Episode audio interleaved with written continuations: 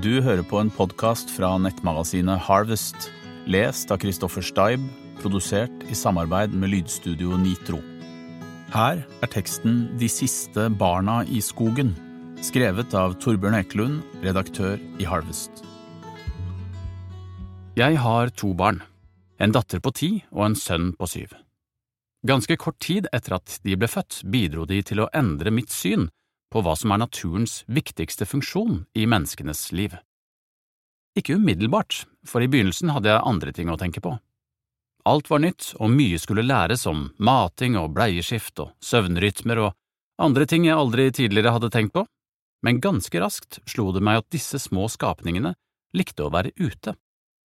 Det var påfallende hvordan de allerede lenge før de kunne gå, likte å krabbe rundt i naturen og gripe fatt i ting med de små lubne hendene sine løfte det opp, undersøke det, putte det i munnen og spytte det ut igjen, eller svelge det. Pinner og fluer og meitemark og steiner, det var ingenting de ikke fant interessant. Og for oss som sto og så på, var det åpenbart at denne aktiviteten lå dypt forankret i de små skapningenes natur. Det var ikke noe som måtte læres eller stimuleres, det eneste vi trengte å gjøre, var å åpne døra og slippe dem utenfor. Så ordnet de resten selv.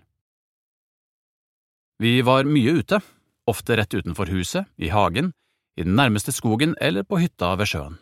Det var ikke mye de krevde, kun tilgang på det vi kan kalle den naturlige verden, et sted som ikke var bearbeidet av mennesker eller tilrettelagt for lek, et sted de kunne undersøke og finne ut av på egen hånd. Og det var nettopp det de gjorde. De undersøkte omgivelsene og fant ut av sammenhenger, taktile, visuelle, auditative av alle tenkelige små og store årsaker og virkninger. Små flekker med natur som et voksent menneske ville gått forbi uten å legge merke til, kunne de tilbringe timer med å undersøke.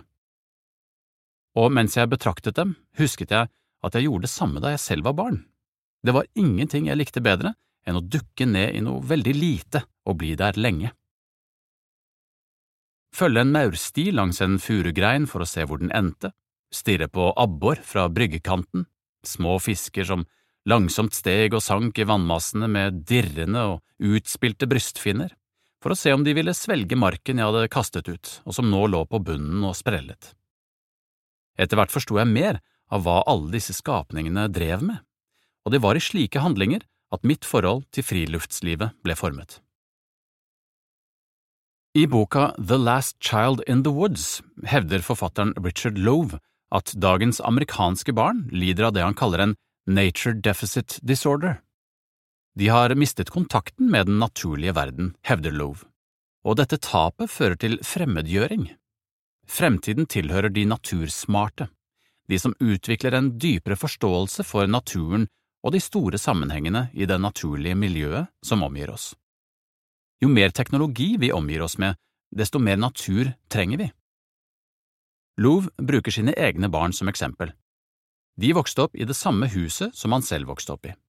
Huset ligger i kanten av en skog, og da Love var barn, tilbrakte han all sin tid i denne skogen. Han hadde ingen teoretisk kunnskap om den, han ble kjent med skogen og alle dens innbyggere gjennom å være i den og tilbringe tid der. Med sønnene hans er det motsatt. Deres kunnskap om naturen er tilegnet på skolebenken og gjennom internett. De kan alt om klimakrisen, skriver Lov. De har full oversikt over den globale oppvarmingen og issmeltingen på polene. Men de kan ingenting om skogen bak huset, ganske enkelt fordi det aldri har falt dem inn å tilbringe tid der. Det er alltid fristende å sammenligne noen andres oppvekst med ens egen. Det er muligens en øvelse man bør være litt forsiktig med, først og fremst fordi det er skremmende enkelt å idyllisere sistnevnte og å være kritisk til førstnevnte. Selv den greske filosofen Platon klaget over at ungdommen var lat og slapp og bare lå inne og dro seg, og dette var som kjent ca 400 år før Kristus. Men likevel. At mange barn i dag vokser opp med større avstand til naturen enn tidligere, og at den typen naturkunnskap som er tilegnet gjennom praktisk erfaring, blir stadig mindre, det er det liten tvil om. Du hører på en podkast fra Harvest, et nettmagasin om natur, mennesker og miljø. Gå inn på www.harvestmagazine.no hvis du ønsker å bli abonnent. I sommer var jeg på en fottur sammen med sønnen min. i et lite, øde fjellområde, bare han og jeg. Vi gikk utenfor allfarvei. Vi bar med oss alt vi trengte. Telt og sovepose, tunge sekker fulle av proviant. Terrenget var kupert og været var dårlig. Mørke skyer drev over himmelen. Vi møtte ingen andre. Sønnen min gikk foran og jeg gikk bak. Når han var i godt slag, undersøkte han alt som passerte, la stein på varder, hoppet over bekker og balanserte på eldgamle tømmerstokker. Han pratet konstant. En jevn strøm av innfall og tanker dukket opp. Han var den levendegjorte stream of consciousness gjennom villmarka. Så ble han stille. Vi gikk lenge uten at noen av oss sa noe, oppover og nedover, over blankskurte fjell og gjennom tette, fuktige underskoger. Jeg tenkte på mine ting, men hva tenkte sønnen min på? Hva foregikk oppi hodet hans? Visste han hvor langt han hadde gått? Visste han hvor langt vi hadde igjen før vi skulle slå leir? Det er ikke godt å si. Fornemmelsen for tid opphører når man er omgitt av en natur som ikke inneholder innslag av noe menneskeskapt, bortsett fra opptråkkede stier og gamle skilt som har stått der så lenge at de har antatt samme farge og tekstur som omgivelsene rundt. Grå, tørre, ruglete. Skiltene så ut som de alltid hadde stått der, som om de var etterlatt der etter den siste istid, sammen med grus og sand og store, kantede steiner.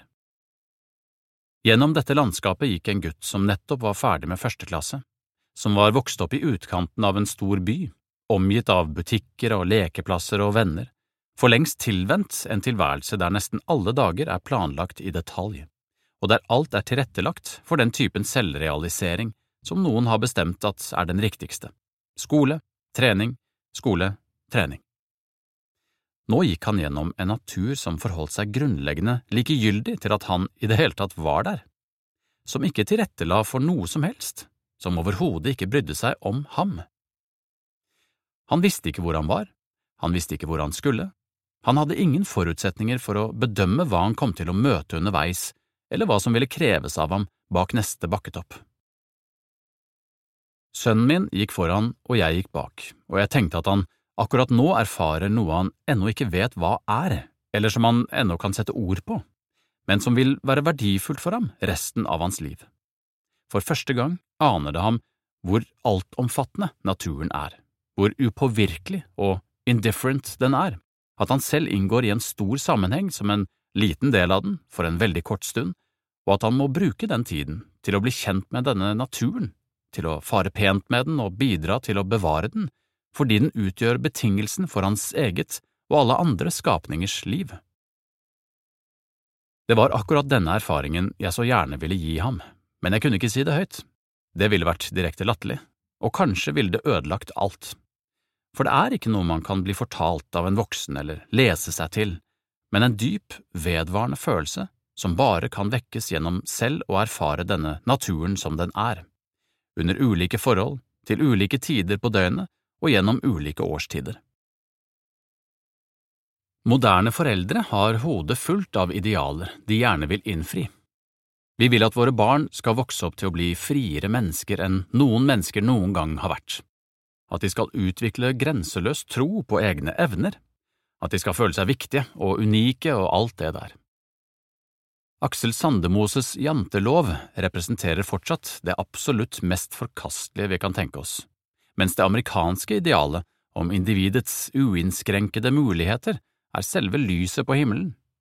Og det er sikkert vel og bra, men jeg kan ikke fri meg fra tanken om at det også finnes en viktig lærdom i det motsatte. Det å ikke tro at man er noe i seg selv, men at man først og fremst er noe i relasjon til alt rundt seg. Det er for eksempel umulig å se for seg en mer bærekraftig global utvikling uten at flere mennesker tenker den tanken oftere enn de gjør i dag. Jeg er ikke annerledes enn folk flest. Da ungene var små var jeg opptatt av økologisk hirsegrøt og riktige leker og at de skulle utvikle seg under betingelser som var så tolerante og inkluderende og optimalt tilrettelagt at de ville ende opp som to unike individer i et hav av middelmådigheter. Du hører på en podkast fra Harvest, et nettmagasin om natur, mennesker og miljø. Gå inn på www.harvestmagasin.no hvis du ønsker å bli abonnent. Etter en stund gikk jeg lei. Jeg sluttet å tro på det. Ikke på ungene, men på drømmen om at de skulle bli til noe spesielt. Det eneste som sto igjen, var et sterkt ønske om å introdusere dem for friluftslivet. Fordi jeg mente at det der fantes noen viktige erfaringer som de kunne få nytte av i livene sine. Om de ender med å flytte til Tokyo for å drive nattåpen biljardsalong i et nedslitt kjellerlokale, så må de gjerne det. Men jeg innså at jeg for min egen del måtte gi dem muligheten til å bli kjent med naturen og dermed kanskje bli glad i den, hvis man kan bruke et sånt ord om noe som definitivt ikke kommer til å gjengjelde følelsene. Det er dette friluftsliv med barn handler om for min del. Jeg bryr meg overhodet ikke om treningsdelen, det virker som barna får mer enn nok trening i løpet av det daglige livet hjemme i byen, og støttemuskulatur kan trenes opp på fortauskanter og skateboard og trampoliner eller i epletrær. Det er noe annet med den følelsen av evighet som noen ganger slår en når man befinner seg i et stort, naturlig landskap, som setter deg på plass, på sett og vis, som forteller deg noe om den sammenhengen du inngår i. Den følelsen tror jeg ikke kan oppstå andre steder enn i naturen, og siden den har blitt stadig viktigere for meg, har jeg vært opptatt av å overføre den til barna. Men hvordan gjør man det? Jeg kan ikke huske at noen sa til meg, se på månen, Torbjørn, får den deg ikke til å tenke på hvor liten du er? Det var ikke sånn det foregikk. Men jeg var del av et fellesskap hvor dette lå som et grunnpremiss under hele tilværelsen, det at livet ute hadde en egenverdi, noe som det var verdt å få med seg, kanskje til og med viktig, kanskje helt avgjørende. Dyr, fugler, insekter, fisker, blomster, trær, på fjellet, i skogen, ved kysten, vår, sommer, høst og vinter. Derfor har jeg vært opptatt av å lære barna å legge merke til mangfoldet, prosessene, utviklingen, og se den indre sammenhengen mellom naturens mange bestanddeler og få forståelse for hvordan disse kjedene av liv arter seg, hvordan de avhenger av hverandre, og hvordan naturen som helhet, det store maskineriet, disponerer alt dette livet på en måte som gjør den selvforsynt og selvopprettholdende. Det finnes ikke en syvåring i verden som ville orket å ta inn over seg all denne teoretiseringen, knapt nok en 70-åring.